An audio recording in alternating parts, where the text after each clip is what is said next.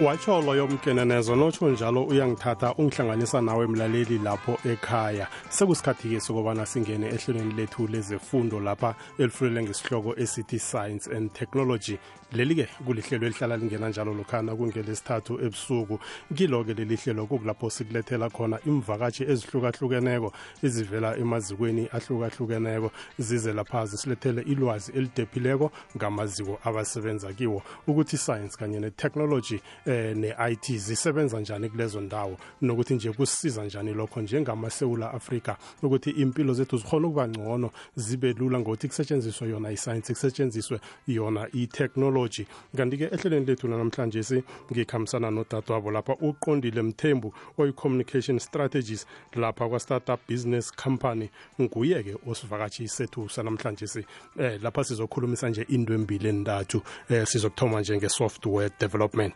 Uzasihlathululela nje ukuthi nasikhuluma nge-software development isikhuluma ngani nokuthi nje isiza kangangani nje eh, ekutheni amabubulo arage kuhle ebulula bese-ke sizochecha nje ama-scholarships abanawo lapho bafundisa khona abantu abatsha ngayo nje i-software development eh, babafundise nangabo-coding zonke into ezinjengalezo. Kodwana nje akusimi eh, ukuba ngusolwazi lapha ngudadwabo uqondile. Asithathele lithuba nje simlotshise ukuthi nikhona ukuza ukuthi sekakhona ehlelweni lethu lanamhlanje le-science kanye ne-technology eh dadwabo lotshani Locha.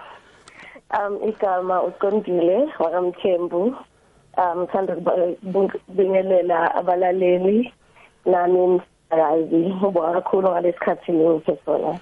Awuzwa-ke kuthokoza thina nje isikhathi sakho nelwazi ozosinikela lona eh sibalaleli nje bomhatsho eh nokuthi nje sikhona ukuthuthuka empilweni. Eh asithome nje ngokuthi nje mhlambe akhe nje uzihlathulule eh uzitsho wena ukuthi nje njenge communication strategist kuyini nje okwenzayo Okay so mina ngi-student yase-UJ ngenza i-public relations and communication. So thina into esiyenzayo ukucommunicate nabantu um ukuxhumana namabhizinisi and also ukuxhumana nelusha kakhulu. So into esiyenzayo ngisebenza ku-startup business campus um lapho ngi-communication strategies lapho siqeqesha khona abantu abafuna kuba ama-entrepreneurs abafuna ukusebenza. So mina owami umsebenzi ukuthi ngazise abantu nge-startup business campus ngazise abantu futhi ukuthi bangaba osomabhizinisi uma bona banengqondo le-willing ukuthi bayayifuna lento and futhi siyabafundisa mhm ma-entrepreneurs from time to time ma-social media networks every day siyabalolonga siyabacilonga.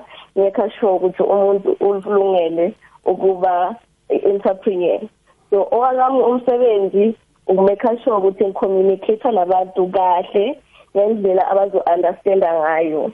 Futhi ngimeke sure ukuthi ngiyamitha futhi nezidingo zabo each and every day. Awuzwa-ke. Eh asikhwele phezu kwesihloko sethu-ke namhlanje si. Eh sizazokuza kukho konke lokhu nje ukuthi uhlanganisa abantu ukuthi bangaba bosomabubulo ngokwabo. Eh kodwana ihlangothi silicheche khulu lapha i-software development. Eh akhe usihlathululele ngayo nje i-software development le. Okay. So i-software development ayisebenzi yodwane. Isebenza ne-coding. So for umuntu ukuthi akhone kuba i-software developer developer kumele azi i-coding first. And i-coding um kunezinto layitshela i-computer ukuthi azenziwe. So wena uma upressa i-code ku-computer usuke utshela i-computer exactly ukuthi ayenzeni. Uma ufuna ukudevelopa i-website wena uthatha i-code ufaka kwe-computer and then i-computer yona izoyiprocessela i-information ikunikeze lento oyifunayo. So iqede futhi isebenzise futhi idatha yakho ukuze ukuthi information yakho iprocesseke kahle. So ku-coding kunama language lahlukene. Kune Python kune Java bese kuba ne JavaScript.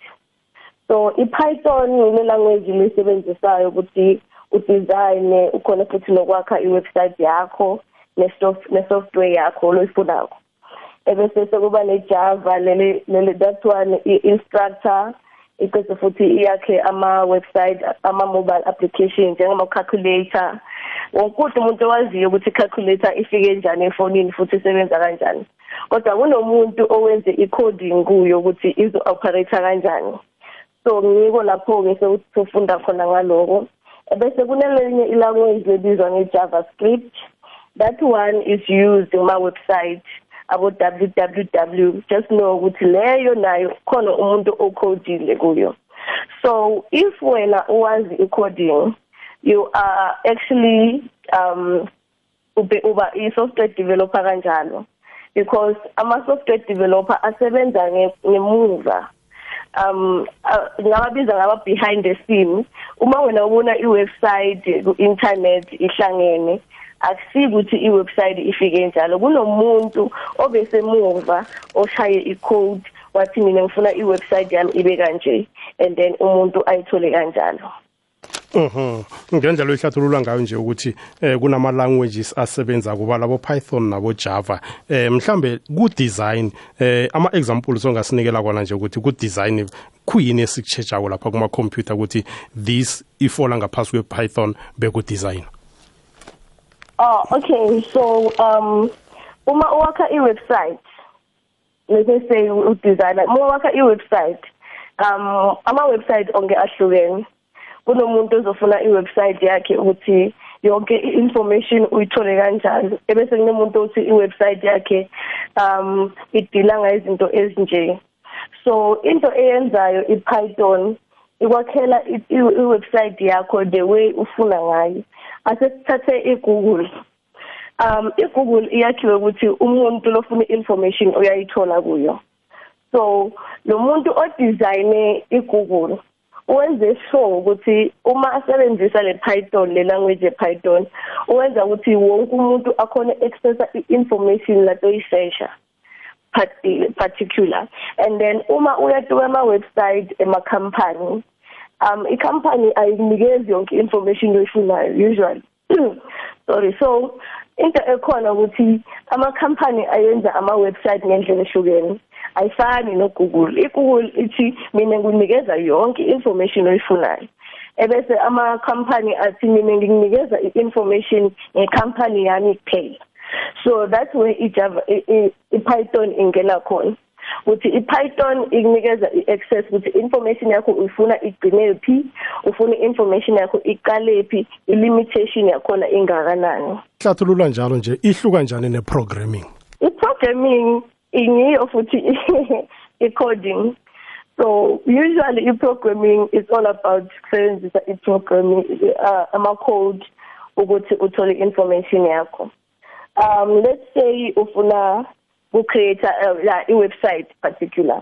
And then kule website yakho wena ufuna ukuthi um umuntu uma angena kuyo everything ibe kuye direct. Hayi ukuthi ufuna hambe aye somewhere ayosesha information maybe nalapha kunama form khona lapho uregister khona wena sekumele waseshe kude a a wena kuwe coding yakho that's where you are programming.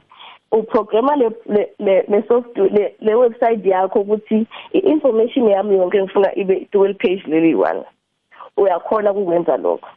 So i-coding ne-programming akuhlukanga nje into eyodwa.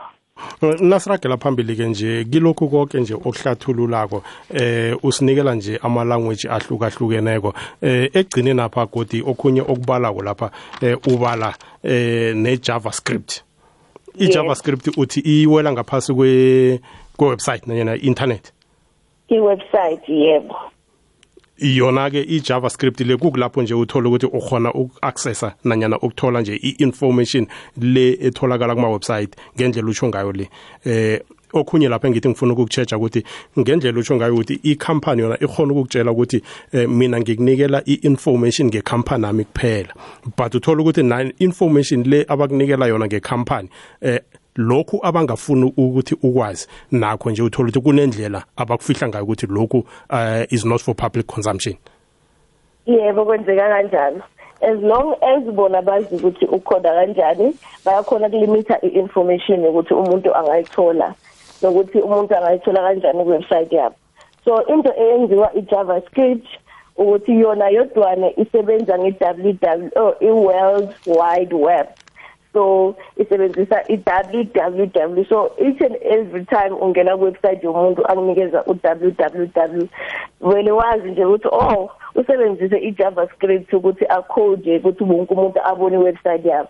Abantu basebenzisa indlela eziningi ukuthi i-website yabo iphume. Labanye bayayihosta ngalezinye indlela ebese kodwa lena ngiyo efast elula futhi ukuthi um ukhone kufaka i-website yakho ku-internet. Kanjalo nje abantu bakhona kuyibona of which is why abantu abaningi basebenzisa yona amakhampani amaningi futhi asebenzisa yona. Mhm. Tatabo akhe sijenge ntolo nje siza kubuya kodwa isirakele phambili. Ikwekwezi fm egauteng ku-106.3 kukhanya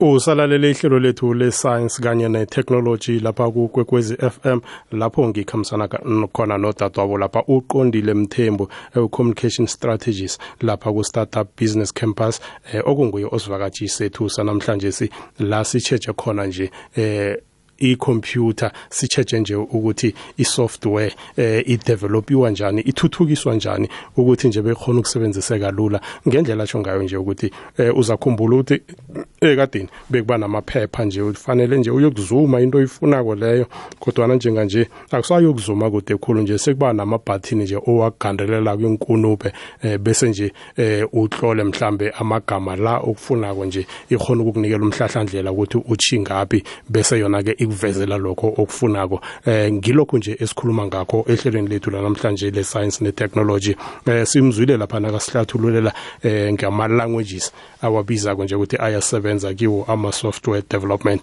Eh usihlathululele ngepython wasihlathululela ngejava nabo javascript uyatsho ke nokuthi zihlukana zifika kuphi. Eh dadwaba akhe ngikubuyisele emva kancane lapha singakangeni phezulu kweproject le osebenza ngayo. Eh lapha kuJava eh ngikuzwa lapha ukhulumisa eh, i-calculator. Eh ukuthi nje mhlambe ngendlela uyisho ngayo nje ukuthi kunendlela eyenziwe ngayo ukuthi nje ikhona ukukunikela lokhu okufuna wena ngokwakho. Eh mhlambe nje i-coding le oyikhulumisako. Lapha ku computer eh vane khe ngizwe nje ukuthi inomboro sezithoma eh, ku0 ziyokufika ku9 bese okuningi ke eh, kuthathwa from lapho. Ungakhe nje kho sinikele ilwazi ngokudephila Okay so iJava isebenza kakhulu kuma laptop um nato ma cellphone nalamanye ama device so yona particular yenza ama application ema ema ema phone of which is wide ngiyenze iexample um ne calculator because abantu abaningi they don't know ukuthi i-calculator ifike kanjani efonini. Mm. and sonke into esiyaziyo nje ukuthi masifuna i-calculator siya efonini siqove kanjalo. So kunomuntu owenze lento behind the scene wathi mina ufuna kwenza i i-calculator ibe efonini. So wena since you are a software developer uyakhona kwenza ama application uyakhona kwenza ama ama app ukuthi i-app yakho isebenze ku iPhone kuke ma Android phone.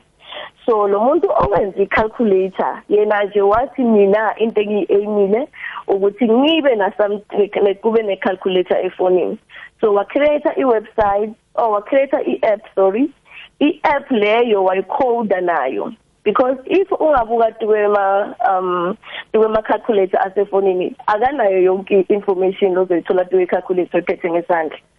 So naye uyilimithile ukuthi angifuni ukuthi wonke umuntu ahlezi aya tuwe phone kodwa ke ungabuyela usebenzise i-computer enormal. But then like everything eyenziwe icodiwe nge-javascript. That is the language that is used um for ama mobile application. Mhm. Eh lapha ukhulumisa i-calculator. Ama calculator la ayahluka kunale vane ke bayibize nje batsho ngiyo calculator eh, ama total wentamati nesithengisako lapha nanyana nje ama grocery ngitsho njalo. Bese kuba nale ehlangahlanganeko. Eh i coding yakhona iyahluka nje netholthi mhlambe eh kumuntu nje ufuna ukuyiprogram. Yebo ihlu asengathi ihlukile kodwa kunalapho umuntu akumele achubekele khona ukuze atholakale sekayenza lamanye ama programs so uma usebenzisa i normal calculator lena lene number nje kuphela inabo plus le coding ozoyenza ayikho nzima kangaka. That means wena ozoshaya i-code lama code la normally uwenze le computer le le calculator le normal. Kodwa uma ufuna i calculator yakho ichubekele phambili ibe advanced ibe nezinto eziningi that means wena ufuna nawe uchubekele coding yakho uyenze ibe more. And futhi into engiyithanda ngecoding ukuthi uvumelekile ukuthi uadd information. Uma ubona ukuthi iapp yakho um ngathi ufuna uadd something ufuna kuba uyenza ibe more advanced. Uyakhona kubuyela uadd i-coding yakho and then izokwenzela lento oyifunayo. Since i-computer iyenzelwe lokho ukuthi the more ufaka i-code the more yona ithatha knowledge iyenza lento oyifunayo. So you can be able to actually change i-calculator yakho um to, to for i-coding. Uyenze ibe more advanced more like ama calculator lana sebenzisa um boma metric so ungakhona oh, oh. kuyenza kanjalo. Kodwa ke kuzothi ukuthi uadd i-coding. Awuzwa ke eh mhlambe ke kikho konke lokhu? Akhe sicheche nje.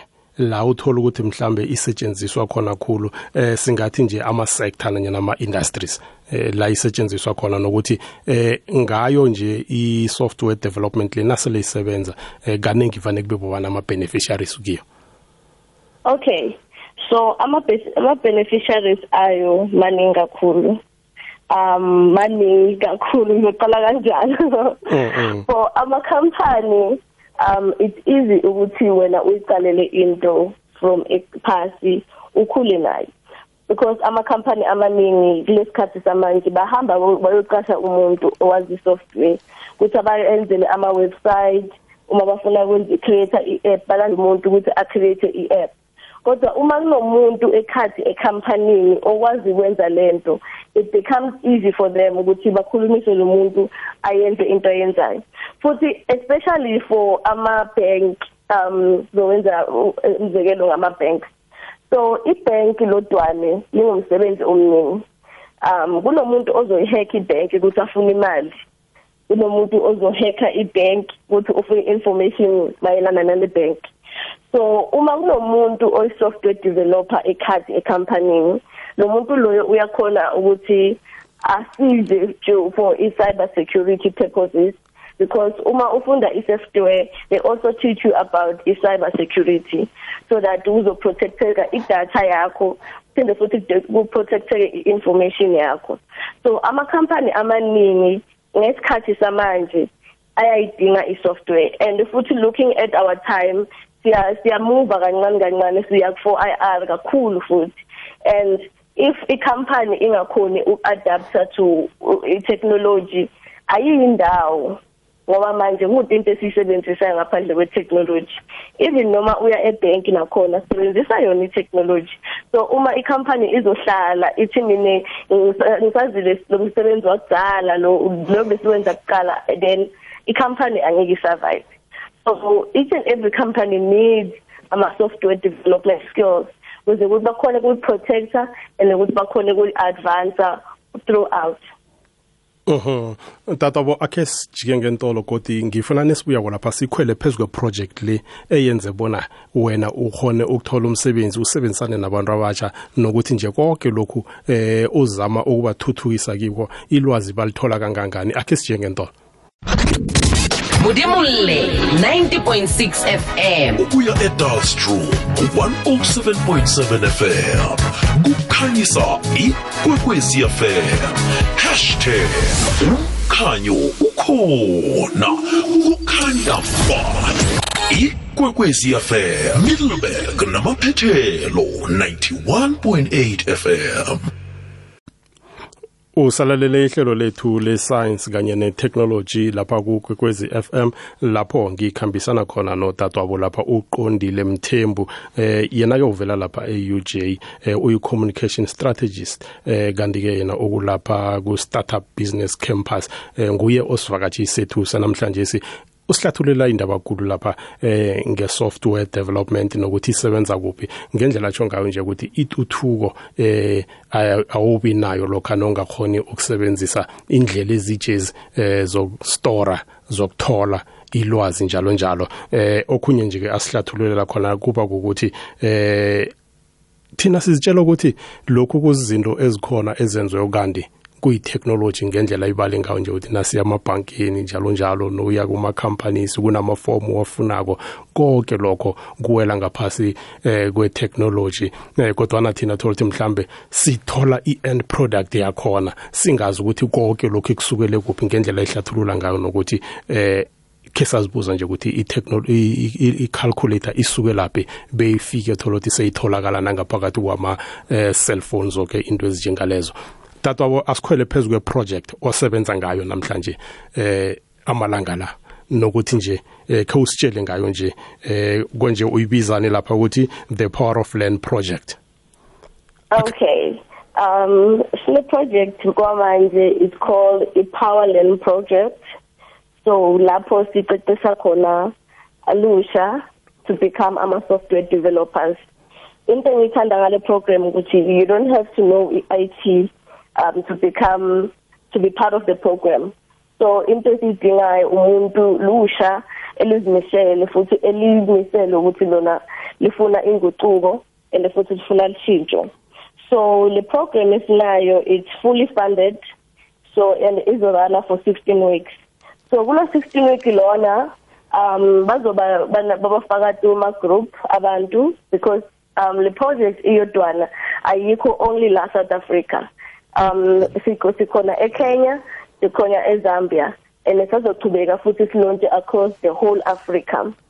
So manje umuntu um ozogreda kule project uh uba lithuba lokuthi uhlangane nabantu from eKenya from Zambia nalana la across Africa on its own. So into ekhona manje ukuthi we are running this program um for 16 weeks for thousands South Africans. So sidinga ulusha lolingango 1000 to train them to become the better tomorrow that we solo sikhuluma ngayo.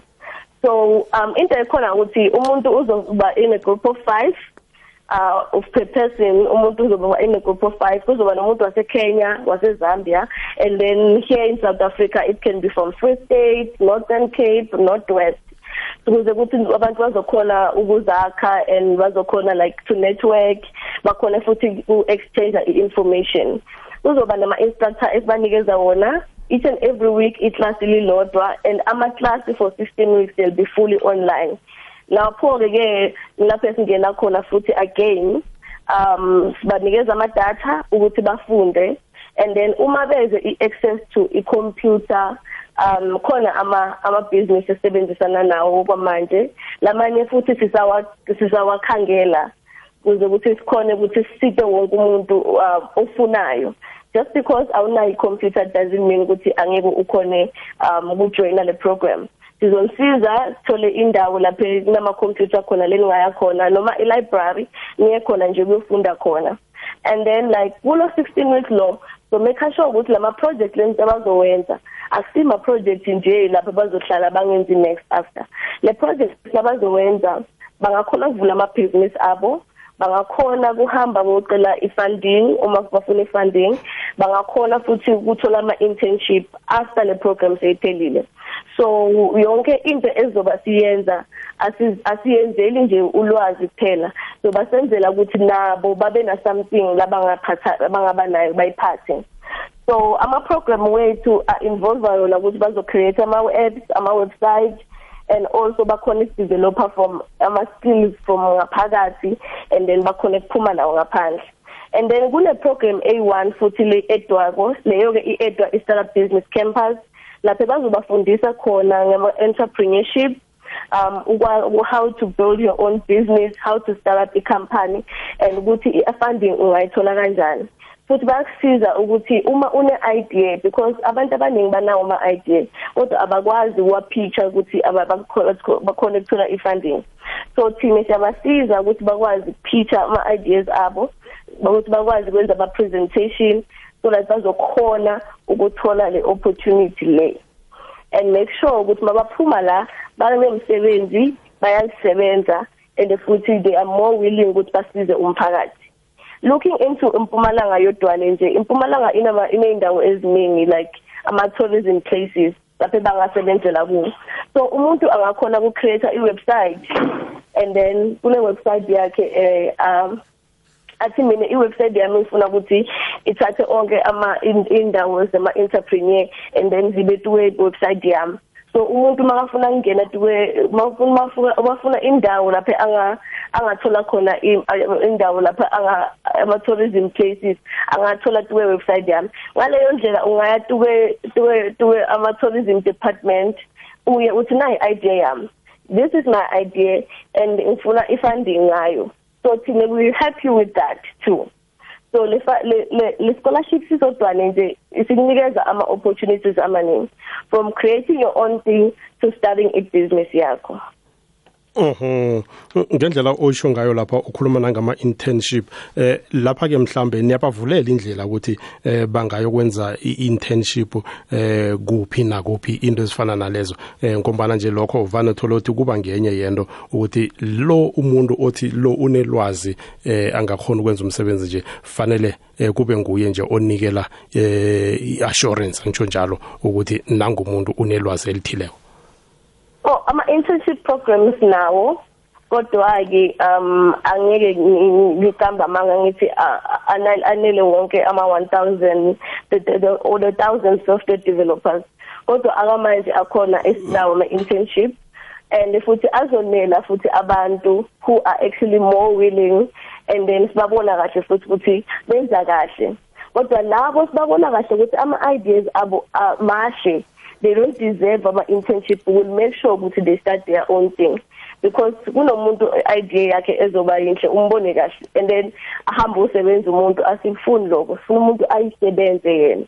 Ngiyo into esiyiphushayo kakhulu ukuthi while umhlaba wethu atshintsha while we are moving into i software development and for IR space abantu abakhone ukusebenza bona ulusha ngoba umsebenzi sina sicreate thina si South Africa. Mhm. Mhlambe ke njengani nje banithola njani nje siyakhuluma nje bayezwa nandi ilwazi likhona eh bangalisebenzisa bangakhona nje ukuthuthuka empilweni. Eh iawareness ngehlelo elifana naleli niyenza njani ukuthi abantu abatsha bakhona ukwazi?